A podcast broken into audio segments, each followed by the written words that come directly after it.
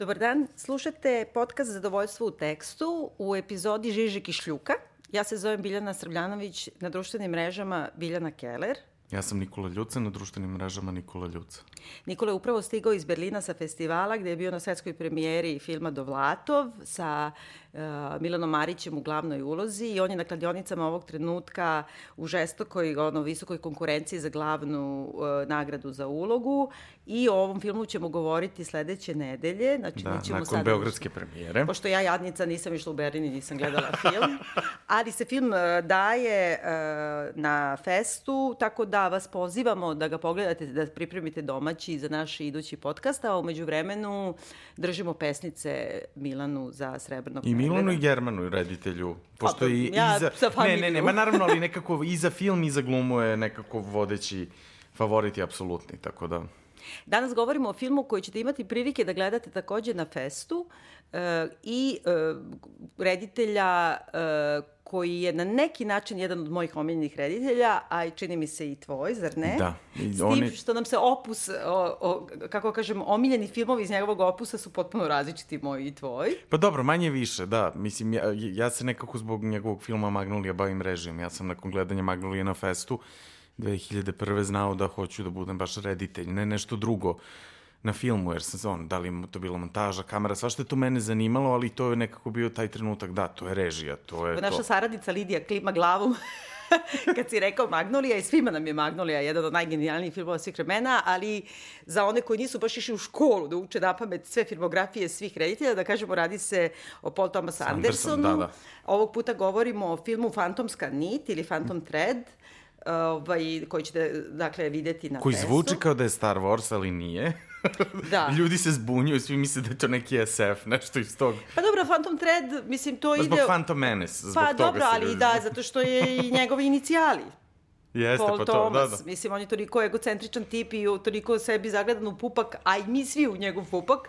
S razlogom. Da, da, sa razlogom, naravno, da, kako se zove, naravno da ćemo da nađemo negde ono, gde je utrpao kao svoj potpis, kao neki veliki slikarski majstori. E, E sad neću da počnem ono moje klasično kako ti se dopada film, nego da možda e, raspletemo tu dilemu koji su ti osim Magnolije e, filmovi Paul Thomas Andersona koje svrstavaš neku, neku vrstu top listice njegovih filmova. Pa dobro, Magnolija broj 1, broj 2 su mi Punch Drunk Love i Boogie Nights, broj 3 mi je uh, There Will Be Blood, da kažem, ali Phantom Thread mi je sad uz Magnoliju tu. Bukvalno. Znači, evo, ja sam toliko pod utiskom filma da ja ne mogu da se sastavim od trenutka kad sam ga gledao. Ja zaista mislim da je to jedan onako klasik za sva vremena, da je, i pritom je sve neverovatno da u ovakvom trenutku se pojavi takav film i da ipak odreaguju ljudi na, na, na taj film, da on ima te uslove, to ću malo kasnije kako je on to snimao, u kojim produkcijnim uslovima, sve to je stvarno fantastično da ipak ima ljudi koji neguju takve umetnike. Za mene je najbolji njegov film, pa, ajde, na prvom mestu Magnolija, ali emotivno Inherent Vice. Ili kod nas je to, kako je to prevedeno kod nas? Neka skrivena, Por... skriveni greh ili tako? Porok, nešto. Da, porok, ja tako. Sigurna, da, nisam sasvim sigurna za ko, koji smatram apsolutno genijalan film koji mogu da gledam sto puta i delove znam na pamet, koji je rađen prema Pinčunu i dakle ti ne možeš nikada da ga prepričaš, tako da ja ni ne znam koje ja tačno delove znam na pamet i vrlo često ih krajnje slobodno ja ono, parafraziram i vrlo često nema nikakve veze sa onim što se stvarno desilo. Ali takav je i film. Takav I to je, je divno. I treba da imaš da. taj odnos prema tom filmu. I na drugom visokom mestu bi bio Boogie Nights, koji da. smatra stvarno uh, jednim velikim i dosta zanemarenim filmom, a izrazito ne volim ovaj, Master? De, ne, There Will, will Be Blood. A, izrazito ne voliš There Will Be Blood. Da, izrazito da, taj film ne volim, ali ni Master, Master imamo onako kao malo podeljena e, stav prema tome, manje više kao i prema ovoj fantomskoj niti, mada mi se fantomska nit mnogo više sviđa, ali mi nije, uh, nekako bih razdvojila njegov celokupa Punch Drunk Love brzim. Kako je to moguće? Moguće je. Ne voliš Punch Da, to mi je nešto stvarno? najkonvencionalnije na svetu, najobičniji neki. To je ludo neki, da. do daske. A ovaj, ali bih nekako, meni se bar čini, a ti me ispravi, pošto verovatno grešim, da bih njegove filmove e, podelila na te neke narkomanske. Jeste. Da. I, i post-narkomanske i na one neke posle reheba, odnosno kod cerebralnije. E sad, u cerebralne bi mi spao, ne znam, There Will Be Blood ili Master ili čak i ovaj film, koji su tako sve da. zategnuti, tačni, sve se zna, jedna e, ekonomija svedenosti, e, svaki minimalni pokret nešto znači, a vrlo su sumptuous, vrlo su raskošni svaki na svoj način. I onako, kreću se tim da su veliki filmovi i uspevaju da budu veliki filmovi. Slažem on ima, se, da. Da, da, on krene sa ambicijom koju održi. Mislim. Ali ja volim ove, kako da kažem, spiderske, stonderske, i to kao Inherent Vice mi deluje kao neki čovjek na nekom ludom esidu koji sedi i nešto mi priča i kao toliko me zarazio da ja počinjem sa njim da tripujem. Ali vidiš, sad, sad bi tu, hm, ja mislim da to dolazi iz materijala i to dolazi iz tih situacija. U postupku uh, Inherent Vice je dosta miran i kontrolisan u suštini. Za razliku od, na primjer, eto, Magnolije, koja, način na koji on režira najobičniju dijalošku scenu u Magnoliji, to, to su neke, ne, to, to, to je kamera koja se non stop kreće, to su užasno agresivne stvari. U, Inherent Vice je to ipak kontrolisanije i koliko god to što je unutar kadra može da bude ludo, sam, sam kadar je čvršći i, i nekako on se igra sa tim da je to sad film po knjizi i da je to sad tako jedna kao ozbiljna i literatura i ozbi, ozbiljan film, a onda opet je to sve osim klasično... Onda je opet mučva pa nekeku. mučva pa nekeku. kako kažem. da, da, da, da, da, u stvari nije to, ali se igra sa tim, ali da. opet je Ipak meni Inherent Vice pripada ovoj drugoj fazi. Ha, meni ne nikako. Ba, baš zbog toga, da zbog neke kao te raskošne mašte i tog ludila i upravo si ti e, ovaj, što se tiče dekupaža, što se tiče pozicije kamere, znači to nema nekakvog divljanja. Ali u suštini, e, sad sam spre, e, kad sam se spremala za ovaj podcast, opet gledala Magnoliju i Magnolija je dosta kontrolisan film, bez obzira što on u svakom u svakom kadru, u svakoj sceni ima toliko slojeva i audio i vizuelnih i montažnih intervencija i tako dalje, uh, on je ipak kreće kao neki opšti raspad, jedno 50 minuta, da ne možeš uopšte da znači nešto i crtano preko kadra, pa je ono, ima i, nar, i narator, ima i glas iz ofa, ima sve, jedna muzika koja se dele, pa sa druga muzika. Ali to toliko postaje ona kako dramaturški mnogo tačno i jasno i ona neki način tu, čini mi se, i u teorijskom smislu ras, uh, raspravlja o tom aristotelovskoj plauzibilnosti, istini to moguće yes. i verovatno. I da u pa dobro, to je taj uvod i taj narator pa da. koji to postavi negde kao temu. Ali je, za mene je zanimljivo to, aj sad kao profesorka dramaturgije, jer mi stalno učimo naše studente kada pišu taj dramski te, za dramski teatar, da nije važno šta je istinito, da nije važno šta je moguće, da je važno samo ono što je verovatno. I sad on no. Da. u tom filmu zapravo je zaista na neki način ono kao vrhunska aristotelovska dramaturgija, jer ti on sve vreme postavlja to pitanje kao da li možeš da veruješ, da li možeš da veruješ kao ovo je sve istinito, ali nije ni moguće, ni ni verovatno i tu postoji neki I osjeća sofizam. se kao istinito, to se, taj, u tom filmu tu je sve tako neka onako sirova, živa rana koja, koja malo krvari, malo ne krvari, to je, to je meni fenomenalno. Dok Boogie Nights, ja, na primjer, uh, ukapirala sam isto da ja volim filmove gde igra Julianne Moore, Da. I zbog toga bih rekla da o, ovaj film mi je ono iznad ovih ostalih koje malo manje volim, zbog toga što ova glavna glumica... No. Da, i mene jako podsjeća na Julianne Moore iz nekih uglova, uh, mislim da se čak insistiralo na tome. Pa, zato što Julianne Moore nije klasično lepa, ona je jako lepa. Ona je, Normalan. Nije ona klasično lepa. lepa. Ja isto mislim da je nenormalno lepa. Kao flamanska lepotica. Ali nije klasično lepa. Ona ima on, ona neko čudno rošavo, pegavo lice. Ja sam nju videla uživo u jednoj, ona, ma, kod, ona što ono, deli neki u Čelziju, slučajno, u beloj majici i farmerkama pre jedno 15 godina, ja ah, sam stala, ispustila kesiga. Da, ona u stvari posle sam ukapirala, sam čitala, da ona stanuje tu iznad i vrlo često siđe do nešto, kupi mleko i tako dalje. I izgleda, izvini, ona izgleda genijalno. Ne, ne, ali, Julian mnogo volim. To mi je jedna od zamerki zašto tu ne igra Julianne Moore, ali to ću posle toga, toga da se. Aha, zanimljivo, da, dobro. Ali ja, ja se slažem sa njim zašto zašto igra ova, pa ću ja to da objasnim Dobro. isto. E, mislim da je ovo genijalna glumica, ova Luksemburžanka, da, i ona je za mene stvarno otkrovenje i ona mi je najbolja u tom filmu jako mi se i dopada i njena uloga i način na koji ona to igra. Neverovatan je lik. Mislim, hoćeš ti da ispričaš malo o čemu? E sad, da, e, ja sam htela da kažem našim slušalcima da ćemo mi da se potrudimo da ne spojlujemo nikako zbog toga što ovaj film stvarno treba da se gleda na velikom platnu i mislim da on nama oduzima tu jednu dimenziju da smo ga mi ipak gledali. Uh, ja ću ga gledati ponovo. Ja ću ga sigurno da. gledati ponovo. Uh, zbog toga što je, znači, Paul Thomas Anderson ne samo da je pisao i režirao ovaj film, nego ga je i snimio. Jeste, prvi je... put je on bio direktor fotografije, ako je radio sa timom ljudi sa kojima je on radio dugo, jer njegov snimatelj sa kojim inače radi Robert Elswit nije mogao. I onda se on nekako osetio slobodni. Prvo eksperimentisao u onom fantastičnom spotu za Radiohead koji ćete videti u linku ima Daydreaming. Prvi put bio direktor fotografije i ovde nekako uzao kontrolu i opet izdominirao. da, da. Mislim, I mislim da to nekako nismo mogli do, do krajnje mere uopšte i e, zapravo tema tog filma je takođe krajnje vizuelna i zbog toga je veoma važna i scenografija i kostimi naravno I, e, dakle, ta fotografija, te u tom smislu ćemo se truditi da vas, eto, nekako zaintrigiramo, ali da se uzdržite da ga gledate ovo gde ima da se nađe, da, da. nego da ipak sačekate fest da ga pogledate na velikom platnu, te u tom smislu da se potrudimo da ne spojlujemo, a s druge strane dosta teško da se priča o filmu bez... Bez spoilera, ali ja mislim da su ključi spoileri taj kraj i nekako u to da izbegnemo. Dobro. Okay, ja, evo, da smo sad Ili eventualno ako naletimo na to, beležit ćemo kao prošli put, e, znači gledajte bi, bi, bi, da, najava, i da. bit će u najavi od kog do kog minuta da preskočite, ako mrzite spoilere, ali u suštini to možda čak i nije ključno, mislim, malo jeste, a malo i nije, jer to ipak nije neki thriller sad, pa kao da, da se da, da. iznenadiš da. obratom. Ali da pokušam da sumiram ovako, pa me ti molim te ispravi. Znači, uh, film se dešava 1955. godine u Londonu i u ono countryside blizu Londona. Da. Uh, glavni antagonista, ja bih rekla, ili glavni junak, Daniel Day-Lewis, je uh, kreator visoke mode za Raymond naj... Woodcock. Raymond Woodcock. Otud uh, jedan deo našeg naslova je, je, je Woodcock je zapravo na srpskom šljuka, da. je tako? Uh, Uh, dakle, ne radi se o krimosu, mada se na neki način radi može, može. o smrti, i o nasilju i o nasilničkim vezama i tako dalje. I on uh, je zapravo, dakle, taj neki, pa to je početak od couture, to je kao visoka moda, ali koja još uvek je ono okrenuta uh, mušterijama.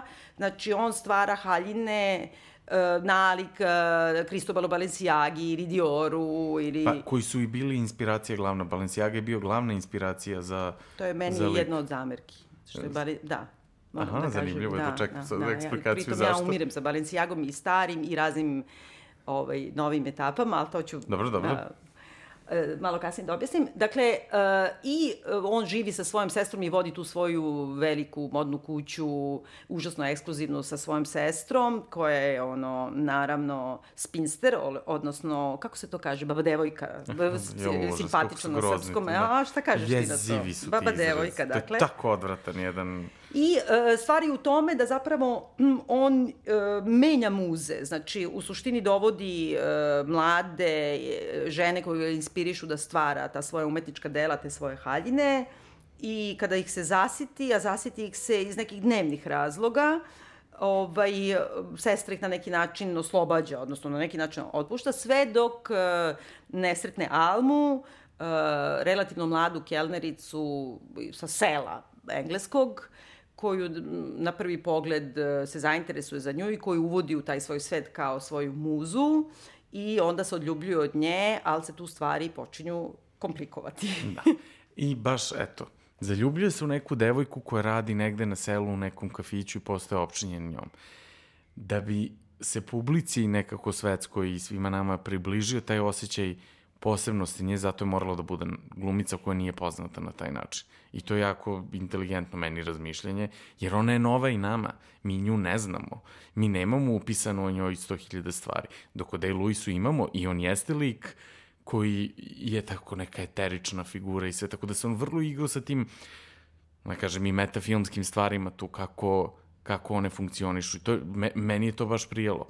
Ja sam nju posle tek shvatio, aha, ja sam nju gledao u stvari nekoj seriji nešto sporeno, ona živi u Berlinu, Luksemburžanka, to, to, to, ali na ovaj način one ušete i saplete se, to je njen prvi kadar i mi stvarno prvi put vidimo tu neku i... i ona je on... onako, što, ono što ti kažeš devojčura, ona je onako malo, malo kao neka prakljačica, visoka je, nije ni malo graciozna, e, kad joj prvi put odvodi na prvom dejtu da joj uzima mere, onda on ka, sestra njegova kaže imaš male grudi, ona kaže znam, izvinite, a onda on kaže nema problema, ja sam tu da ih, e, ih napravim, da ti ih kao napravim, ukoliko to poželim. I onda sestra još doda kao imaš idealnu figuru, imaš, ne znam, široka ramena, a ona je stvarno prahljača, krupna je, onako visoka je, nekako čudno građena, a onda a ona kaže, uh, ti si tačno ono što on voli, kao imaš malo stomačić, znači nije ono da, da, vitka, da, da. vitka, nemaš grudi, odnosno ima neku fa falinku u tom kao u smislu ženstvenosti ili tih nekih stereotipa ideala ženstvenosti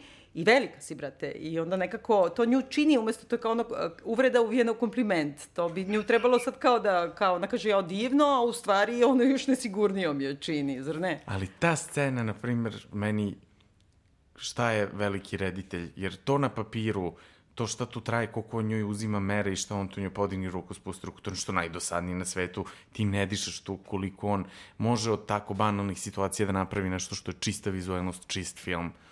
To je... Ja mislim da to je jedna visoka senzibilnost koja je utkana stvarno u ovog filma, a to je da ti sad tu po prvi put zapravo osetiš tu suštinu njegovih odnosa prema tim muzama i prema ženama, a to je jedan um, odnos eksploatacije i gotovo psihološki, na, u svakom slučaju psihološki veoma nasilan odnos, jer ona je u negližeu, njoj se provide te grudi da, kojih da. se ona stidi, ocrtava je se taj stomak, ima neke duboke bele gaće, dakle ona je i socijalno ispod njih, Uh, u krajnjem slučaju, kad si u situaciji da stojiš polugo pred obučenim ljudima, to je ono freudovska noćna mora, kao ti si već u jednoj poziciji inferiornosti, osetljivosti, a onda to traje i traje, ti misliš satima i on te dodiruje po najintimnijim delovima, ali da to nije seksualno, nego on ti uzima meru od, od ključne kosti do bradavice, od bradavice do kraja grudi i onda izgovara te brojke koje pritom takođe mogu da te e,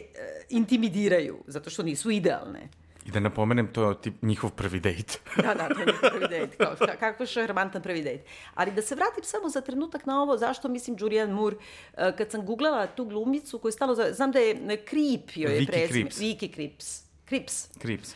Ovaj, vredi da potražite, zaista da potražite šta je do sada radila, međutim ona na, u svim ostalim svojim radovima, ona uopšte ne izgleda ovako, ima nešto tamnije u kosu ovde, baš liči, znači stavlja ima, ima, ima, kosu jeste. i sve.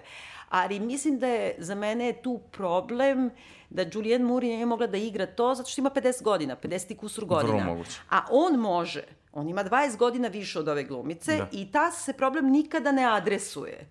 Znači da on ipak izvini, i za, pogotovo za 55-u, jedan starac. I oni ne kriju te njegove, on je ono, da, puderiše da, da. se, ima tu neku groznu kosu. Ali pole... to je suština i priča nekako i ta razlika u godinama i to koliko je ona u suštini mlađa od njega, ne samo što je to, jel, sad da kažem, dolazi iz drugog miljeja i ne pripada tom svetu, ona je mlada, a on je neko ko je već dugo u tome, ima svoju rutinu, ima svoju, uh, svoju tvrdoću koju se nekako bavi i što, su, što je sad film je pun jako uzbudljivih kvotova koje nećemo da vam otkrivamo, koje su stvari te neke scene kako ona remeti njegov mir i šta on tu njoj sve govori, što je mnogo duhovito, u suštini jako neprijatno. U isto vreme i to je... Da, e, samo mislim, ajde sada kao u nekom tom, ono, metafilmskom smislu, uh, Zasmetalo mi je to da, da zapravo dovedeš mlađu glumicu i da je ofarbaš i našminkaš u Julianne Moore zato što ne može glumica od preko 55 godina da igra muzu. Ali Eto. to, to je sad, ja moram da kažem, to je sad kroz moja stvar, čitanje, ajde, koje je dobro. zanimljivo, mislim, meni uopšte nije palo na pamet do sad, ali da, ona vuče na Julianne Moore, ali s druge strane, on nije radio s Julianne Moore od Magnolija, oni su radili... Pa šta ra, Boogie Nights? Boogie Nights je pre Magnolija. E, čekaj, ali je, ona nije u... A ne, ne, ne, ne, to je ova druga što je jako volim, Amy... Amy Adams. Amy Adams, da. da. da. Koja je takođe taj, ta vrsta glumice, taj da. tip, jeste. Da. On voli te tako nesavršene, telesno nesavršene, ali koje imaju to nešto... I vrhunske glumice. Mislim, I vrhunske glumice, je... ne, ja samo govorim... Kako je, na primjer, nju Tom Ford u Nocturnal Animals mhm. iskoristio uh -huh. savršeno. Mislim, i koliko ona usuša u tom filmu sa nekim minimalnim, vidiš razliku od 10 godina koju ona igra onako bez problema, nešto, dobro, druga tema. Ali e, moram da kažem i da kod njega žene uvek imaju drugi e, e, pristup glumi od muškaraca. I to je ono što možda mene samo odvraća od tih filmova njegovih koje manje volim ili neke čak ne volim, a to je ta method acting, Stanislavski, odnosno Lee Strasberg škola, i meni ja to zovem ono gluma za sve pare ili kako bi Salieri rekao ili ko je rekao ovaj, e, kao too many notes. kao kad Mozart svira. Znači, uh, na primjer, Master je za mene bio film, ja inače ovog Philip Seymour Hoffmana nikad nisam podnosila. Stvarno? Ne.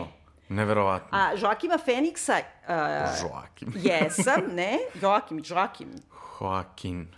Joaquin. Joaquin. Na, da, da. na, ta, na tečnom američkom. Da, da. Joaquin, dobro. Joaquin. Dobro, mislim, ja sam te filmove gledala u Francuskoj, tako Joaquin Joaquin, da. Phoenix, ovaj, e, koji zna ono smrša 700 kila za ulogu. Pa sugu i 200, pa, sve. Pa su, da, i sad u tom filmu kad oni sednu, mislim, to je neke ono kao latentno homoseksualnosti koja se tu ne otkriva i kao oni sednu, ono, ima scena u masteru koja me proganja noćima, zbog toga što sam osuđena da ceo život e, razmišljam o glumcima, jer mi je to posao. Znaš, kad sednu, da, kad se takmiču u glumi kao master i ovaj, kao Da. Joakim, Joakim Phoenix, Da. Pa kad kao sede imaju onaj neki kao u stvari dva spojena monologa u jedno, kao gde puše jedan i drugi i gde kao nakon tog on, u stvari, uh, takmiče se u rečima, ako sećaš te scene i Da, nakon da. te scene, kao kad su se ispričali sve što su imali od glumeri za sve pare, onda kao zapale pljuge, kao posle seksa, kao svršili smo jeste. sve u redu. A to ta- se igra, to je odnosi reditelj, glumac i sve, on se Apsolutno. sa svim tu igra u masteru. Ali mislim da muškarci kod njega uvek tako igraju, a da za žene s druge strane mnogo subtilnije i mnogo zanimljivije i mnogo opasnije i mnogo luđe i mnogo nekako... e, S druge strane, na primjer, Joakim Fenix, da ćemo po srpskom, ovaj, u Inherent Vice, mislim, ja sam to držala jedno vreme na, uh, kao cover foto na fejsu, pošto to meni je znak da nešto strašno volim kad stane na cover foto. A, na primjer, ono kad gleda kao sliku bebe, kao Da. da. stravična je beba, mislim, e, to kako on odigra, to je šmira najgora. Znači, ne da to nije metod acting, nego sve preterivanje za sve suprotno pare, od da. toga. E, ja to najviše volim kod njegovih... e, Samo da napomenem da smo, evo, juče Milan i ja videli Joakima u Berlinu. Jel? Onako usput sam... Jeste ga pozdravili? Milan i Milan Marić. Pa i Milan Marić će sad biti veća zvezda od Joakima. Uf, daj Bože. Da, ja da. se nadam, ide ka tome. E sad, u svakom slučaju da se vratimo mi na našu centralnu temu i da kažemo zbog čega ti se dopada ovaj film? I zato što mi je jako teško da ga opišem i zato što to u stvari o čemu je taj film uopšte nije o tome film. On ima toliko eh, nekih sitnih rečica ispod koji idu, koje ti osjećaš, ne možeš baš, baš da ih objasniš. Možeš, misliš da možeš, iznenađujete. Jako je klasičan, u suštini je potpuno modern. Te neke stvari koje su toliko sveže u, u tome i pritom što dugo nisam gledao film koji je mračan, a da to ne priča ni uopšte na mračan način, niti na težak način. I to je kompletan pristup je autentičan i original i to u stvari u šta ode na kraju kad ti se nekako zaista objasni sve to o tom odnosu i kako to, to je to onako razvaljivanje mozga. Ovako kada prepričavamo, i to je zapravo i prvih možda 50 minuta filma, ti imaš utisak da gledaš jednu veoma klasičnu, gotovo viktorijansku neku melodramu Da, u da, da. O nekoj donekle i nedozvoljenoj ljubavi, o, o, gotovo da bi mogle ono sestre Bronte da se negde tu sad promovaju i pojave, jer je ona kao iz niže klase i ne znam mlađa, pa kao jedna po jedna se smenjuju, on Onda ne može... zla sestra koja je malo Tako tako je. čudna. Da. Ali onda u jednom trenutku filma, meni na početku, pošto sam ja uh, počela da gledam film uh, kao sa predrasudom da ću da obožavam, a namerno nisam htela baš ništa, mada meni ne smeta uopšte da mi sve se ispojluje, ali ništa nisam htela da čitam o tome. Aha, aha. I onda u jednom trenutku se trgne i kaže, "Bre, brate, ovo je Hitchcock. I onda u stvari premotaš sam sebi unazad i u stvari od tog nekog 45. 50. minuta baš pos- postaje ka, kako, jedan meta Hitchcockovski narativ, Jeste. izmešana, svuda spomenju Vertigo i Rebeko, ali ja bih rekla i ozloglašenu. I Jeste, to pogotovo, Notorious, apsolutno. Znaš na kojoj sceni sam osvestila? Sada to možemo isto malo da spojlujemo, jer to postoji u kritikama. Uh, jed, jedan junak ili junakinja uh, pokušava da truje drugog junaka ili junakinju, ajde tako ćemo reći. Super si rekla. I onda sada postoje te neke pečurke koje se pojavljuju, e, koje su otrovane i koje se kao pretvaraju u neki prah koji se sipa kao neku malu, ono, konzo, kako se kaže, jednu malu posudicu limenu Da. i koji idu u nečiji čaj. Da. I sad, ako se sećaš u zloglašenoj, kada oni truju Ingrid Bergman, ali ima onaj neki trenutak kad se nosi to neko mleko I zatrovano. ima prva, prvi put kad je truju, pa se kao mama, koja je Jeste. ovde sestra, u stvari, Da, da, zlake da. Eva, koja mota kašičicom u, u šolji i ti se sad misliš ko će da proguta taj otrov. To je direktan citat, ali meta citat Na neki- zloglašene. Jeste, i mislim, ta kuća je kuća iz Rebeke, to je zamak isto tako, i ta sestra je u stvari ona služavka iz, iz Rebeke. Mislim, može sa svim Jeste, tim da apsolutno. se... A opet mislim da je taj ceo odnos prema muzi, oblačenju, pojavnosti, spoljašnosti totalno vertigo. I otud i priča o Žižeku. Ja sam nešto pomislila da, i to ćemo preporučiti našim gledalcima, našim slušalcima, da pogledaju, ako su slučajno propustili, taj Žižekov, Preveznjakov vodič kroz film. Da, to je onako, to je baš lektira koju Lektira i morate. super je. I užasno je zabavno, znači to ne može, redko, nešto tako ozbiljno može da bude toliko zabavno, a u stvari jako bitno za neku savremenu analizu filma, tu i psihoanalitičku i nekako i, i političku samo kako i prosto dosta je to evo Ako nas slušate, mi smo dosta zadojeni time. Pa da, jesmo, zaista. Ovaj, e, I sad, baš u tom delu, negde na, polovi, na polovini tog, e, ovaj, kažem, u tom delu zašto ima Preveznjakov vodič kroz ideologiju, koji je takođe dobar, ali manje meni. Manje, i manje bolji. Ali nema veze, volim i to.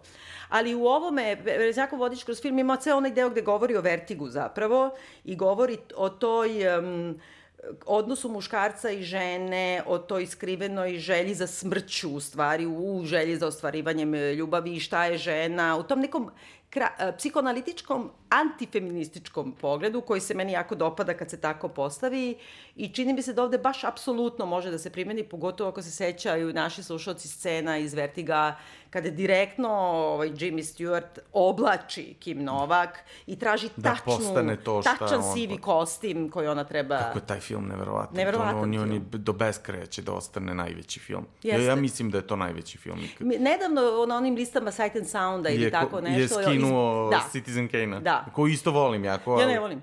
Ti ne voliš? Ne, ja Velsa volim jako, ali ne, ovo ne može se porediti sa. Meni je Wells tačno ovo što ne volim kod Paul Thomas Andersona, a to je to ono neki kao ljuti muškarac koji mnogo dobro glumi i koji preživao svoju ulogu ima ti kaže neku veliku istinu i da ti sruči u lice tako što će gleda u objektiv. I onda To me- dođe da igra Dražu u Jugoslaviji da, Da, bi, da bi upa, snimio super, da. ovaj, od tela svog ili tako nešto. Da. I on ima ta ludila. Ali- Ali... Ali šta još citira, samo da dodam, pored toga što je to Hitchcock, to ima i britanski film 40-ih i 50-ih te epohe i konkretno šta je meni David Lean. E sad, kad pričamo uh -huh. o Davidu Leanu, mi ga znamo najviše po njegovim spektaklima Lawrence od Arabije, Most na recikva i Rajanova čerka i to. On ima taj period kad još nije, on, crno-beli period, kad je radio melodrame i tu je najčuveniji Brief Encounter, Tako je. koji je onako klasik remek delo. A čekaj bre, Ali ima... David Lean, tako je, da. Da, da, David Lean. Ali ima još jedan film koji u stvari uh, Pete Anderson za ovaj bio glavni, a to je Passionate Friends koji preporučujem da nađete. To je ludilo od filma. To je meni onako baš otkriće.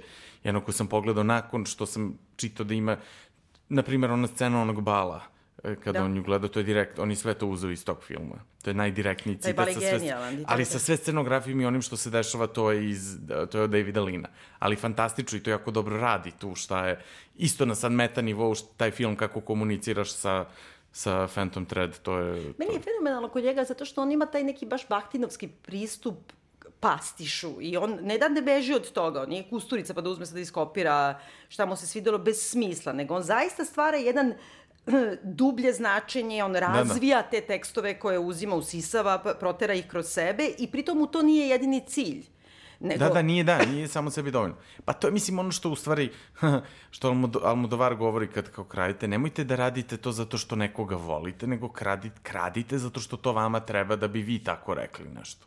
I to I je ne to. samo to, nego da bi razgovarali sa tim. Jeste, pa to je to. To je to. Kao te, ti to hoćeš, to, to tebe zanima, uzmi direkt to. Jer ja stalno razgovaram sa studentima, mi kao uzimamo, kao, tako su nas učili kad smo bili mali, pa kao da uzimaš inspiraciju iz realnog života, okrećeš se, slušaš ljude, skupljaš novinske tekstove i to mi svi radimo. Dobro, ja novinske tekstove ne, ali ja volim Nije. da prisluškujem ljude i da špioniram, to, To mi je da. jako dobro. To da.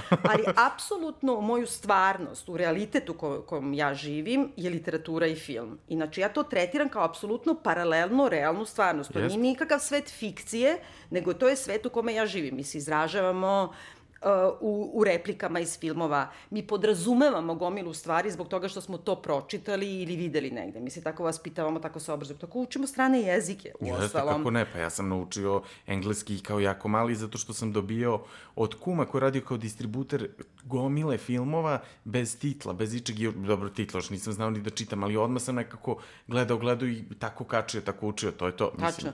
I uopšte, e, kako kažem, e, svetonazor gradiš prema tome, pa u krajnjem slučaju i prema literaturi, to je ono kao, to za to služi. I zato i smatram da kada autori kao što je on, razgovaraju na neki način, čak i u formi pastiša sa, oni ne razgovaraju sa drugim autorima, nego oni razgovaraju sa zadatostima koji već predstavljaju deo našeg svetonazora, bez obzira što oni potiču iz filma. Pa kad kreneš na gaslajtovanje, Da. gaslajtovanje je nešto što zapravo potiče iz literature. Apsolutno. A, onda, uh, koji je uh, potpuno uro, mislim, tu je kao, kako kažem, stvarnost kopira umetnost, a ne umetnost stvarnost. Te u tom smislu nemam apsolutno nikakav problem sa tim. Šta više, to mi mal, malo mi još bih i više volela da ovde ima. Znaš zbog čega? Još zbog... više kao Tarantino, jel? Ah, ne, zato što. Tarantino ipak, Tarantino ima ovaj neki jouissance, zato odatle i naslov ovog našeg podcasta Zadovoljstvo tekstu po Bartu, naravno, Da. ima ono nešto kad se ložiš, to je ono što sam ja pričala prošli put, kao dereš se na džanga, mislim, ili ne znam, ono, ja kad sam gledala ako klinka, ovaj, um, Pulp Fiction Aha, u dobro. bioskopu, ja cele noć nisam spavala. To je ta vrsta jouissance, što kaže, ovaj, gotovo, to moglo bi da se prevede kao sršavanje ili taj Da, neki da, da, užitak da, da, jest, jest. u tekstu koji ti nije ono smireno zadovoljstvo da ti sad sediš i kao ti si sad kao nešto fino, nego ue, kao navijaš. A ovo je neka cerebralnija, ja bih rekla, vrsta, Jeste, jeste. koja pa može dobro. isto da te loži, ali ti ne, ne pravi istu vrstu reakcije. Meni je ovo kao kad gledam, na primjer, slike tako ne, starih majstora i onda ono, a pritom nešto znam o tome, a pritom nešto tek pokušavam da ukapiram i onda imaš neku ono, priču koja nikog živog ne zanima, sad uvatiš nekog da mu sad pripričavaš šta sad sve to ti znači, ali tebi obogati život iznutra mnogo. Zato je teško da se priča o ovom filmu. E, sad, to, da, baš da se nadovežem na to, ja, ja kad sam bio u Amsterdamu, ne mogu se setim koliko godina, bio sam, mislim, stalno idem u Amsterdam, nebitno i radio sam sa njima, u jednom trenutku tipa 2013. ili 14. u Rijks muzeju, glavnom, jel, amsterdamskom, holandskom, su napravili nešto što su art and therapy, da su oni uz određene slike, eh, na, najveće, najpoznatije, eh, stavljali velike tekstove koje ti možda uzmeš na papiru ili da pročitaš to pored, da u stvari ti su kustosi sa gomilom psihoterapeuta i psihoanalitičara rad, pričaju o tome kako ta slika može da utiče na tebe terapeutski. To se zvuči kao nešto tako nategnuto i nemoguće. To, ja sam se raspadao, to, to me, ja, ja sam izlazio polupan, ja sam išao dva, tri puta na tu izložbu, zato što to baš te neke stvari sad što si rekla, kako se pogleda neke stvari koje ti znaš mnogo dobro, ali onda sad, eto, gledaj noć, noćnu stražu koja je za mene najveće umetničko delo, Ja? jel, koje postoji, ja to mogu, ne mogu, ja to, ja to stvarno odem, pa onako sedim. Sedim i gledam, mislim, imam poseban odnos prema Rembrandtu i on, on uopšte, to, to, to on uopšte ne može se doživi nekako na reprodukciji, to, to stvarno je nešto što mora uživo, pogotovo to je čas anatomije, e, noćna straža, koje su te dimenzije te, kako, kad te, kad te puknu, kako, kako je to zaista urađeno. E, baš to sad, kao, ti gledajte ljude, gledaj taj mrak, kako se oni sad tu skupljaju. To potpuno neki no, neku novu priču ti izvuče, neki način, ja, se, ljudi, ja, sam, ja sam gledao to, ljudi se rasplaču, užasno emotivno, a ništa patetično, nema patetike, nema učitavanja, nego ti samo nekako daju neke uglove da gledaš. Pa da, ne, ne, ja, pa meni pričaš, mislim, Da, ono... pa to znam, ja sam znam. Više, ja sam više Caravaggio girl, moram da priznam, ali, na primjer, ta kao smrt Bogorodice Caravaggio, Da. koja je moja omiljena slika svih tvoje, vremena, E, mislim, to kako je ta e, žena mrtva, koliko su joj prljave noge, naduveni članci, belo lice, masna kosa, i koliko nju e, Madlena oplakuje, tako da joj ne vidiš uopšte facu, nego je vidiš Da. potiljak. Meni je to, onako, i kolika je ta sl- sliketina. to, to, to. M- Meni je to nekako... i Skameniš Odakle se. dolazi svetlo, To. kao boli ga uvo, dolazi mi svetlo iz mog mozga. Mislim, nema uopšte, nemam razlog da ti opisujem odakle bi- mi je stiglo svetlo. To mi je nešto što me pokreće baš na tu vrstu uzbuđenja. Ali sad opet moram da kažem, ovde, u ovom filmu, Da. je, evo, to, mislim da je to tačno možda neka razlika između tebe i mene. E, kad sam spomenula Balenciaga, koga jako Mhm. Kristobala, b- i čak imam, mislim, sad skoro, i traje još koje može do Londona, u ovaj, kako se zove, Victor Albert Museum, Museum, da. velika izložba njegova, koja je bila inače u e, Ma to su- Parizu. Ma to su sad tempirali da ide uz film, 100%. Pa mogu, ne, ne, ali traje to već, moguće da jesu. Pa zato što on svuda priča da je da je, da, Balenciaga je, da je Balenciaga, izvini. Balenciaga, inače mnogo poznatiji od Paul Thomas Andersona, Ne, ne, slažem se, nego samo umetnik. da ipak nekako jedno drugo Ja hoću da kažem da podržava. ove haljine ovoga kostimografa... Marka sam, Bridgesa. Da, uh, one nisu ni, ni dobacile. Ali ja mislim da, da, da, da taj lik nije ni zamišljen da bude na taj način klasik. On je ipak jedan konzervativan. E pa čekaj, ali samo da kažem, to Kreator. se zove new look, to što on pravi tog Da. trenutka. I to ima svoju sociolo, sociološku, veoma važnu funkciju i ulogu pogotovo u 50. godina, i jako je važno zato što očigledno njega to vreme sada prešišava, prolazi. Mm -hmm. Objasnit ću. E, žene, znači, ajde, 20. kao, kao oslobađanje korseta, mini haljine, polu su gole, lude i ovo i ono. Onda idu one 30. koje su opet kao konzervativnije, ali u nekom smislu kao praktičnije. 40. godine, ti kad gledaš te filmove koje si Yes. spominjao, ili u kraju slučaju screwball komedije, ili Tvrdo. Howarda Hawks ili šta god, žene su u pantalonama, u odelima, one su praktično obučene. I, to tvrdo je, nekako ono to. Da. da. I to je krajnje fluidno, one imaju izdužene siluete, androgene su, nisu ista- istaknuti sekundarne ženske karakteristike, znači ni grudi, ni dupe. Praktično, kao u skladu sa trenutkom Praktično, da. tako je, rat, znači e, žene su izašle na tržište rada, jer su svi muškarci na frontu i e, prosto je to promenilo način njihovog oblačenja. 50. odnosno posle ratna zapadna ili anglosaksonsko društvo odlučuje, prvo što je vratilo sve vojnike nazad i sada su ove žene koje su zauzeli radna mesta od fabrika do, do svega drugoga, moraju da se vrate u kuće da ne bi bilo e, nezaposlenih. I e, ti sada te žene sputavaš na razno razne načine. Između ostalog, sam početak 50-ih je poznat po tom new looku i to je baš ovo na čemu oni insistiraju u onom nekom fotosessionu Da, da, da. usred filma. E, ta žena ne može da se kreće. Znači, ona je više zarobljena nego viktorijanska žena. Da, da. E, ona ne samo da ima taj korset koji je užasno komplikovan ispod, nego ima nekoliko slojeva i to je pravilo tog new looka, nekoliko slojeva garderobe preko, te haljine su ogromne, znači donji deo je uvek takav da joj se nigde ne vide noge i da ona jedva može da hoda. Sigurno po ulici ne može da hoda. Da, da. Znači one su za kočiju pravljene. To ili je ono... da, samo za ceremoniju, za bal, za to. I to je ono što naše jadne žene kupuju ove imitacije Louboutin, ove 12 to su cipele za krevet. Mislim, u njima ležiš i eventualno ideš do klonje ili da kažemo do džakuzija.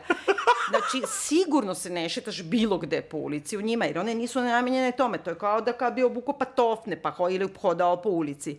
Tako i ove haljine, one su namenjene tome da žena bude skroz gore u korsetu, sputana, ona je slomljena u struku. Ako uh, obratiš pažnju, i to su baš tipično iz Life magazina. Jeste, pa to, to, to, to Znaš, ono, nakrivljene u struku na jednu stranu i uvek imaju te neke tako geometrijske poze, jel da? Jeste, da bi se videle sve te linije i ta, mislim... Ali one su zarobljene, one ne jeste, mogu jeste. nigde da se pomere uopšte. I sama ideja te takve haljine je u stvari zlatni kavez. Vratiti ženu nazad u luksuzni zlatni kavez da ona može samo da stoji, ne može ni da pije ni da jede. Što sve odgovara filmu i temi, to je to, to je e, a priča. sad je zanimljivo u tom filmu, jer to, te 50. već promiču. I ja mislim da je dosta važno, uh, htela sam to da povežem sa ovim Karavađom, uh, boje koje on koristi. Uh, te su boje koje nisu laskave za ženski ten. Žene ne izgledaju dobro u njegovim haljinama. E, to je verovatno namerno. I on prvu haljinu, pazi, na prvom dejtu, kad on ide Da. sa ovom Almom, ona ima jednu krajnje slobodnu crvenu haljinu, ima crveni karmin, on joj skida taj karmin Da. i kaže joj, hoću da vidim s kim razgovaram. Znači, to je malo i podsjeća na, na vertigo. Toliko duhovito. Da. Ali i duhovito. na Jeste, ne, duhovito način. i super i sve. I ona pristaje na to, ona nije posramljena, ona potpuno pristaje na to. I onda je vodi da joj šije prvu haljinu, kad je uzima te mere o kojima smo pričali, i stavlja ona dva neka materijala. Da, da. Ta materijala imaju neku srebrnu osnovu. E sad Jeste, baš, jeste, e, da primer Rubens, moj najomraženiji Rubens, ja sam negde znači, koji već učila... put spominjemo. Pa moram. Ja sam negde učila, znaš, da on ima tu boju slika koji ima taj flamanski barok, a to je ta baš boja koju ova ima u tim haljinama. To je ona neka malo trulo meso. Jeste. Jer on je uvek farbao, znači uzme platno, pa ga namaže ili crno, ili preko crne, kao osnovu platna, mm -hmm. preko crne jednu zelenu groznu, ono što mi zovemo rezedu, jednu onako gusanovo govno zelenu, znaš? I onda na to tek idu boje. I ta ga undertone ugasi svaku tu boju. To je s jedne strane, ona nije nikako laskava, nisi ženski ne, ne. te, ne može dobro stoji. I s druge strane, on je prvu haljinu koju šije, šije ono mov boji, taj nema ta naziv kod nas. To je ona boja koja je između lila, modre, tako neka. Jeste, čak i neki znaš, krem ima malo Ne, ali prvi, da, da. I znaš šta, to je baš boja koja je kao na prelazu renesanse u barok, uh, ono, manirizam neki, znaš, kao kad žene izgledaju kuleševi, kad se ne pomeraju, kad su ukočene u, u tim pozicijama i onda to je bila boja za kožu. Bukvalno izgleda kao mrtvi, svi su mrtvi. I ta boja kad je staviš, evo, naslonije na sebe, izgledaš kao da imaš TBC, mislim. Ali opet to tom filmu radi i dalje ona deluje graciozno, ali samo priča, jer ona treba da izgleda kao sve te grofice, e, te kraljice belgijske kojima on pravi, koje I dolaze. I prolazi vreme. Jeste, i, oni ga napuštaju. Tema. I to je tema, jeste. Da, i to je, meni je zato to zanimljivo, to je... zato što on u stvari na neki način naružuje ženu i to je možda neki odgovor to njegovog odnosa prema tim ženama za koje živi u zapravo i od kojih živi. Znači, to nije mržnja, to je, to je mnogo jedno kompleksnije, to je i samo mržnja, jedno mnogo kompleksnije osjećanje. Znači, s jedne strane je ta boja i ta struktura haljine, a onda s druge strane tu kao svoje remek delo koje šije po jednom trenutku gotovo da uništi venčanicu za belgijsku da. princezu, ona već izgleda kao haljina Marilyn Monroe. I ti kad bi to yes. video, ja sam šokirana bila tim grudima koje su kao Marilyn Monroe kad peva da, da. Happy Birthday, da, Mr. Da, da. Pre... Da. da, da, da. Naš belgijska princeza, baš da se 56. udaje, a svi se na gotovs. E, znači, on prelazi polako i onda oni kažu kao napuštaju ga ove e, mušterije, one traže nešto što novo što je šik, a on poludi. Šik! Kakva je to reč, reč kakva imbecilna reč, Znaš da. kakva, francuska, brate. Tako da, tu sad ima hiljade, hiljade dimenzija, mm, ali u tom likovnom smislu, na primjer, meni, kao što sam rekla, Caravaggio Girl, mm -hmm. ja volim štroku, volim jake emocije, jake boje, mislim, kako kažem, volim Caravaggio lik i delo i onda mi je više to nego taj svedeni, gotovo flamanski pogled.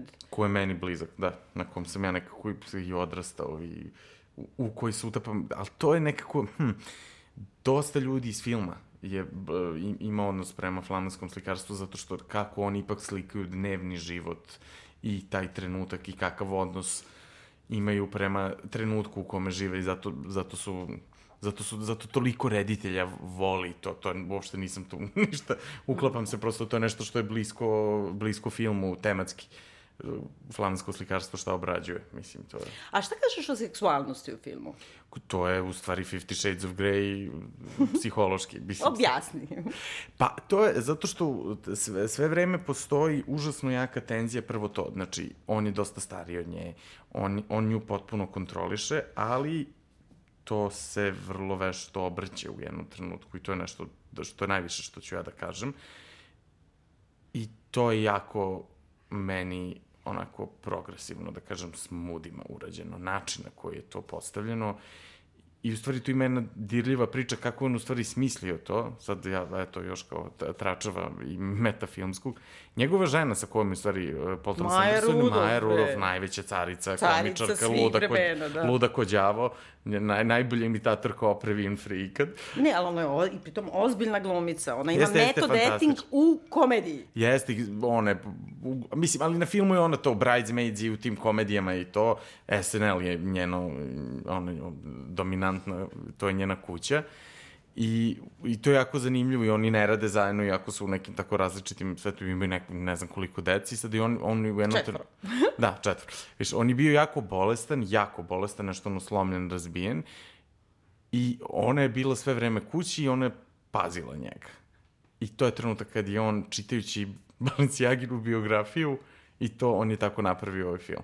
I to je u stvari jedna fantastična oda takvom jednom odnosu iz potpuno drugog ugla ispričano i onako Da, nećemo zavrnuto. mnogo spojlovati da. ako kažemo zapravo da je taj e, BDSM odnos između Alme i Raymonda u tome da uh, on ciklično uh, treba da prođe kroz periode kažnjavanja, samo kažnjavanja ili kažnjavanja drugim nekim. Ali ništa fizički, opet da ne, ne, ne, ne, da- uopšte da- nije to ništa to, nego to je krajnje psihološki, a fizički je zato što mu se razboli. I da bi do, došlo do nekog pročišćenja i do toga da ga taj neko neguje zapravo, on traži negu. E sad, da li je to neka potraga za Prustovom mamom? I celo, celo ona priča u stvari, jer se film odvije kao neki intervju koji, koji on stvari nije intervju, nego razgovor sa nekim čovekom. Ma lekar ovaj, misle- ona njemu da, da, da, da, da, ali kome ona priča na kraju. Da li si ti shvatila igru sa glasom? Evo, to ću samo da naglasim svima, pošto sam pričao sa nekoliko ljudi da uopšte to nisu eh, skapirali. nisam koji, uopšte. to, to se možda u bioskopu bolje shvata nego ovako. Samo ću, da, samo ću to da kažem, da se, ob, da se obrati pažnje pred kraj filma je na šta je čiji glas. Evo, toliko ću da kažem, i, jer tu je... Tu je... U meni, šapne mi. ne, ne, postaću, postaću. I tu je jedna ključna stvar koja je stvarno, e, ali kažete, nekoliko mojih kolega isto to uopšte nisu e, nisu shvatili da sam ja to pre- preglasno gledao, pa sam, pa sam mm -hmm. osetio tu nijansu koja je još jedan tako obrt u obrtu. Ovaj, tako da, eto, toliko. ali u toj seksualnosti, moramo da kažemo, eh, on zapravo zavodi te svoje muze, ali tu nije naglašena seksualna veza među njima. Šta više, on je i izbegava. Da, da, ne, ne vidimo je, nema je, malte. Pa dobro, ali ovde ima i to baš u jednom trenutku, meni je to baš zanimljivo u kom trenutku oni zapravo konzumiraju da. te, tu njihovu vezu i e, čime ona misli da je kao ima e, neku višu poziciju sledećeg jutra, a zapravo tek Ništa. je onda nema. Ovaj, jer je on tu dovede, oni imaju uh, spavaće sobe jedan do drugi i on je budi noću da oni rade zajedno, odnosno da ona stoji, ona njoj šije te svoje oklope. A uh, zapravo prvi put e, kada o, konzumiraju svoju vezu je kada odu u restoran i kada prilaze dve male ono grupi devojke neke klinke koje prilaze kao tom društvu gde oni sede i kažu ovaj e, mi vas mnogo poštujemo vi ste veliki kao umetnik i tako dalje evo ona sanja da jednog dana ima va, vašu haljinu a on je kao malo ono kao ne, nemoj da me smaraš otprilike ima malo taj blaziran je, da, odnos da, da. da pošto sam čitala negde da ljudi kažu, a kao tu ga loži kao slava. Nije. Ja mislim da on ima da mu je užasno neprijatno što su mu prišli, I ne želi uopšte da ima kontakt sa ali njim. tu je ključa rečenica, zato što ta mala kaže, ja hoću da budem sahranjena u vašoj haljini. Znači, ona neće da bude udata, jer on šije venčanica, nego sahranjena. I onda oni To odlaze, on ostaje tako, ovi ostali za to, on kažu, pa dobro, onda je otkopaš, skinješ haljinu i prodaš ponovo. I sad se to vezuje na priču zapravo na prvom onom dejtu. On pokazuje sliku mame u venčanici, svoje mame i govori da ne, nema, da je otac rano umro i da, mu je, da je on prvu haljinu koju je šio, šio svojoj mami za njeno drugo venčanje, da je morao sam da je šije, poprosto je prokledstvo haljine i, i tako dalje. I posle mu se ta vizija te mame koja je genijalna, ono, To neka je, to je toliko nosata, neverovatno kako se to desi u no, filmu. Fenomenalno. Ali i to je vrlo interesantno, da li to stvarno mama, jer ona je, e, ako je on šio njoj venčanicu, on je morao, šta kaže, imao je na primjer 16 godina. da, bio je baš klinac. A mama tu, na toj i u viziji i na slici, izgleda da ona ima 16, 16 godina. godina. Kad ga je rodila, tako da se to sad mnogo se zakomplikovala ta stvar, da li to stvarno bilo ili nije. Ali sve radi. Jer onda ona njega pita gde je ta haljina sada, on kaže, ne znam, verovatno se pretvorila u prah. Znači, sahranili smo je u njoj, M- mama je nismo otišla je sa tom otkopali, haljinom. zar ne? Da, da, da. I sad, ovaj, e, sve to pričam da kažem, tada je prvi put u stvari, on se osjeća užasno mu je neprijatno, a ona tu pročita to i kaže, da li si dovoljno jeo, jer je on inače, ono, ima i tu osobinu da kao je, Hungry boy. da, Ovaj, onda kaže, da li si možda žedan? I onda je on uvuče prvi put, u stvari, u, mi ne vidimo tu seksualnu scenu, ali sutradan ujutro ti misliš šta će da bude neki novi stupanj intime, ali naprotiv. I sad, evo, ja mislim da tek u ovo što smo rekli, u stvari, daje tom filmu to nešto, jer ja sve što sam čitao i trailer kad sam vidio, meni to sve delovalo tako obično, a sve osim, osim običnog. I to je, i zato je jako teško pričati o filmu, jer i svi, mislim, da sad uvedem sve te pečurke i ceo moment bajke i, i nečeg, te igre, šta je realno, šta nije, baš to sa tim vizijama, sa tim šta je čiji glas, opet da naglasim, uh, to to je stvarno nešto što samo mora da se doživi i odgleda. Jako je teško pričati, da mi sad, da vam ne, unuš, un, ne uništimo onako na kompletno zadovoljstvo prepuštanja takvog filma, koje pritom to, on je slikan znači, na filmskoj traci, što je danas redko, vrlo malo Da, reditelja ono, to 18 radi. mm ovaj, projekcije u Americi su samo na 18 mm. 70 mm. E, to, izvini, To, to, to. 78 mm. Da, da, pa to- 68 je ta, Dobro. ta originalna, to zovu Htela se da... snapim pametan, znam da ima 8, ali ona široka traka, to sam Jeste, htela jeste. da kažem. Pa to kako je David Lynch sliko je. od Arabije i to, gde on malo sliko mastera time. Ali to on je tu imao, on imao neverovatne uslove da to radi. To je imalo beskreno veliki broj snimajućih dana za nešto što je američki film, to 60 i tako. To rade Rusi, event, još i tako Kusturica. Dakle, ima malo ljudi koji imaju taj luksuz, a to je sve Megan Ellison, naslednica kompanije Oracle, koja je uletela u produkciju pre nekoliko godina i uzela najveće autore američke da im bude ono matrona koja, koja daje i stvarno ima omogućava uslove i potpuno je nebitna zarada, nju zanima samo kvalitet. I kad uzmete sad pogledate šta je Ana Purna radila, između ostalog Zero Dark Thirty, Foxcatcher, su ozbiljni, su najbolji američki filmovi posljednjih godina. Ona, ona je radila s njim Inherent Vice i sve. I po to, da li će to da zaradi ili ne, to nije bitno, bitno je samo da ona da se, eto, jedna bogatašica u stvari nije samo bogatašica, nego ono vrlo, vrlo pametna. Mecena, da. Vrlo, vrlo pametna, inteligentna i pomaže ljudima i nama ostavlja nešto onako što, što inače u ovim uslovima hollywoodskim on nikad ne bi mogo da ima.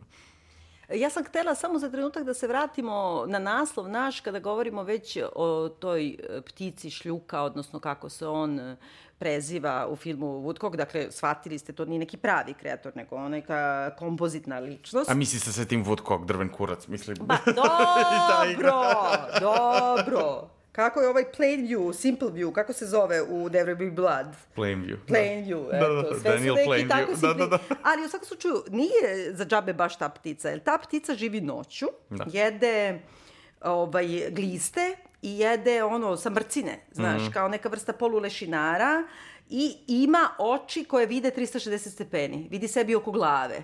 I to je tačno, on, on je privučen nekim raspadom i nekom Mm. bolesti. Da. I sad zašto Žižek? Ja sam tako vezala sa tim ovaj, vertigom, no ja, svi smo i ti, svi smo Naravno. vezali. I sad, baš u ovom uh, Perezakovom vodiču, on objašnjava bukvalno tu seksualnu želju muškarca i žene kao veoma destruktivnu i on prvo tu sad spominje, nađite taj deo Solaris Da. čuveni film i sad, mislim, zaplet Solarisa da se ovome vraća mrtva žena u, uživo mu se vraća kao science fiction, ali u suštini je problem što uh, ona može da se vrati samo u formi njegovih sećanja. Znači ona ne postoji autonomno, nego samo ono čega, šta on Što zna on o njoj. njoj. I samim tim ne može ona ni da je uništi, ne može da uništi svoje sećanje i tako dalje. E, sad to kad spojiš sa vertigom, znači ta neka želja u stvari e, mu, muška mora zapravo i kao mislim po tom antifeminističkom, ali i biblijskom u krajnjem slučaju, neki vrhunski greh muškarca zapravo i to kao taj, taj odnos prema, to je ono što njega uništava. E, e i što je on uopšte napravio ženu od, od sebe, e, to je ono što ga i uništava. E sad, u Vertigu e, Žižek tu sad dobro objašnjava po Lakanu, naravno, po čemu bi drugome, da je sad to kako se ona oblači, kosti, kako on nju pretvara, Kim Novak iz ove, kakva je ona prodavačica cveća, kao Da. ova kelnerica, u ovu koju je on zaljubljen, koja zapravo ni ne postoji, ili je izmišljena figura, kako je on oblači, kako je on šminka, kako je on menja frizuru i sve. I on govori da je ta pojavnost koju mi shvatamo ljude zapravo potpuno šuplja i prazna, ali da mi kao kad gledamo film, mi stalno domaštavamo sve ono čega nema u kadru. Pa ti kad gledaš s- krupni plan, ti zamišljaš da ima dole noge i struki, iako tog trutka nema. Nema ništa dole, ali tvoj mozak tako radi. Zato tako što i smo, ovo, da, navikli na to. Da. Tako i ovo. I sad, meni je to super što on baš to govori da je, ta, e, da je fantazija koju ti imaš, znači ga obuče je, sklopi je, šta ševa koja jede crve i hrani se crkotinom, odnosno ne ševa, nego šljuka, Šljuka. izvinjavam se, ovaj, e, sklopi je i obuče tako kako hoće i onda je njegova fantazija ispunjena, a Žižek super kaže, a šta je ispunjena fantazija? Naša najgora noćna mora. I tu sad kreće taj drugi deo raspada. On stalno, nije to običan BDSM, nije kao volim da mi, sviđa mi se da ti ne bude prijatno, nego to što njega vuče tome, to ga i uništava. I zato on toliko ide ka tim pečurkama, ja bih rekla.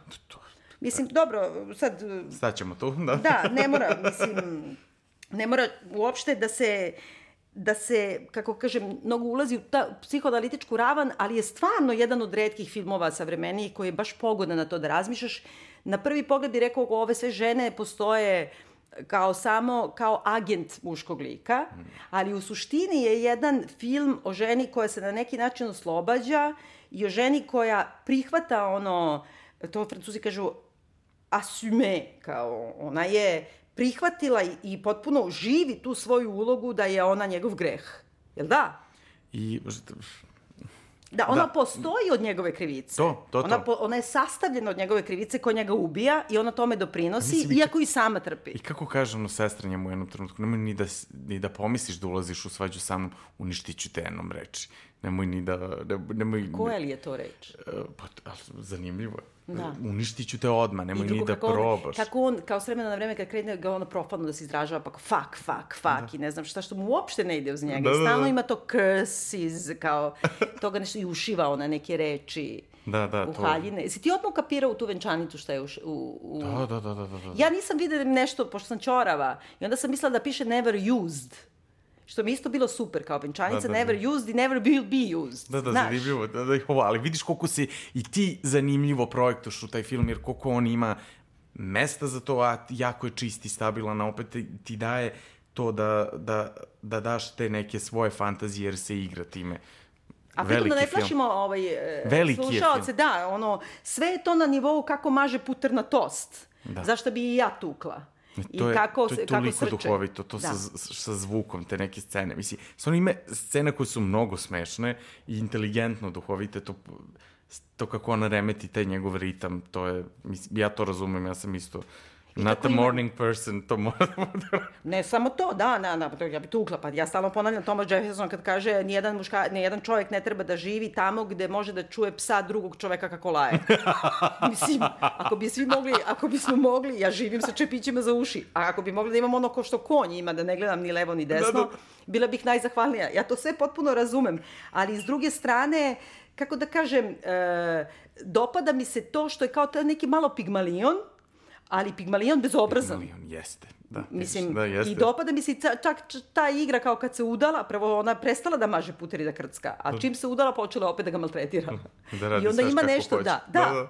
I, a pritom nije da ona hoće to tako, nego to je taj njihov sadomazo u stvari jedan dubinski odnos. Tako da sad što više pričam s tobom, više mi se sviđa taj film. Gledat ću ga sigurno ponovo. Ej, moramo da kažemo za muziku. Muziku je radio ovaj iz Radioheada. Da, Johnny Greenwood. E, koje meni nije nešto. Jo, meni je fenomen. Meni je onako najklasičnija, kako kažem, film, filmska muzika. Ali opet i nije, jer on malo meša i nešto što je kao i, i džez i, i odlazi u eksperimentalno. Mnogo ima.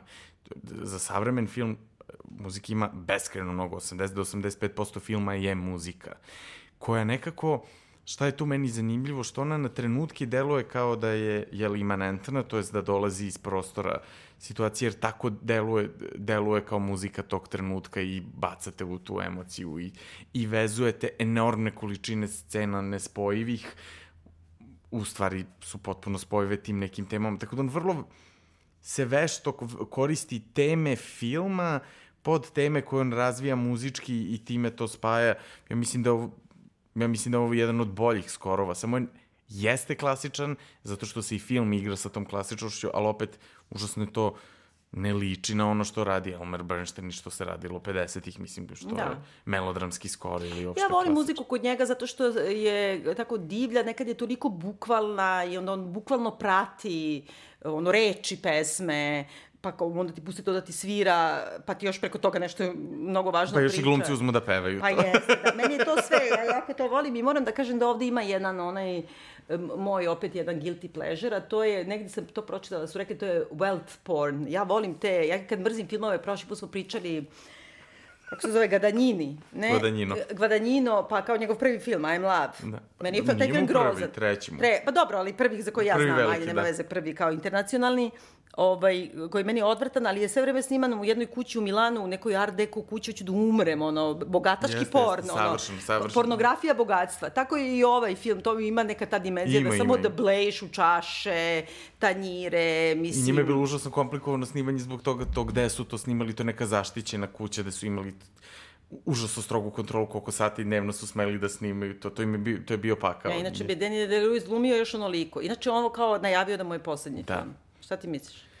Pa ja se nadam da ne. Ali on, on već neko vreme nešto ne može da se snađe i nekako, nekako beži iz toga, jer on, jer on se toliko utopi u te likove da ja mislim da on zaista ne može više to fizički da, da izdrži.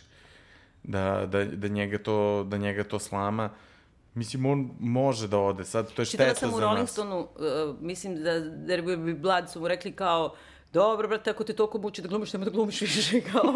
I on će izgleda to da ide uradi. Uh, inače sam pročitala da je za ovu ulogu, naravno, method acting, godinu dana, na primjer, asistirao u njujorškom baletu, sad lupam, ali u, u ode, odeljenju za Jeste, kostime. jeste, i to su, na primjer, ono, kao radili intervjue sa raznim uh, dizajnerima savremenim i to, kao šta oni misle o modi, to, oni su svi, svi su oduševljeni koliko on precizno, kako drži iglu, kako vuče, kako se vidi da on zna, da on zna šta radi, da je to uživanje ljudima koji stvarno koji se stvarno razumeju, meni to sve deluje jako stvarno, ali ljudi koji jel, to rade su fascinirani njegovom tehnikom, ali to je on, mislim, to je ludak. Ali ja se opet vraćam na Aristotela i tako uvek volim uh, Paul Thomas Andersona kada, kada je takav, a to je ono, iza maske nema ništa. Kako je bilo divno to antičko vreme kad nije postala psihologija i kao, postoji lik samo u funkciju te scene i kao, kad kaže ono, kad meni dođe glumica pa me pita, "E, da li ona u ovoj sceni misli ovo, ona ne misli ništa, jer ona ne postoji, brate, mislim.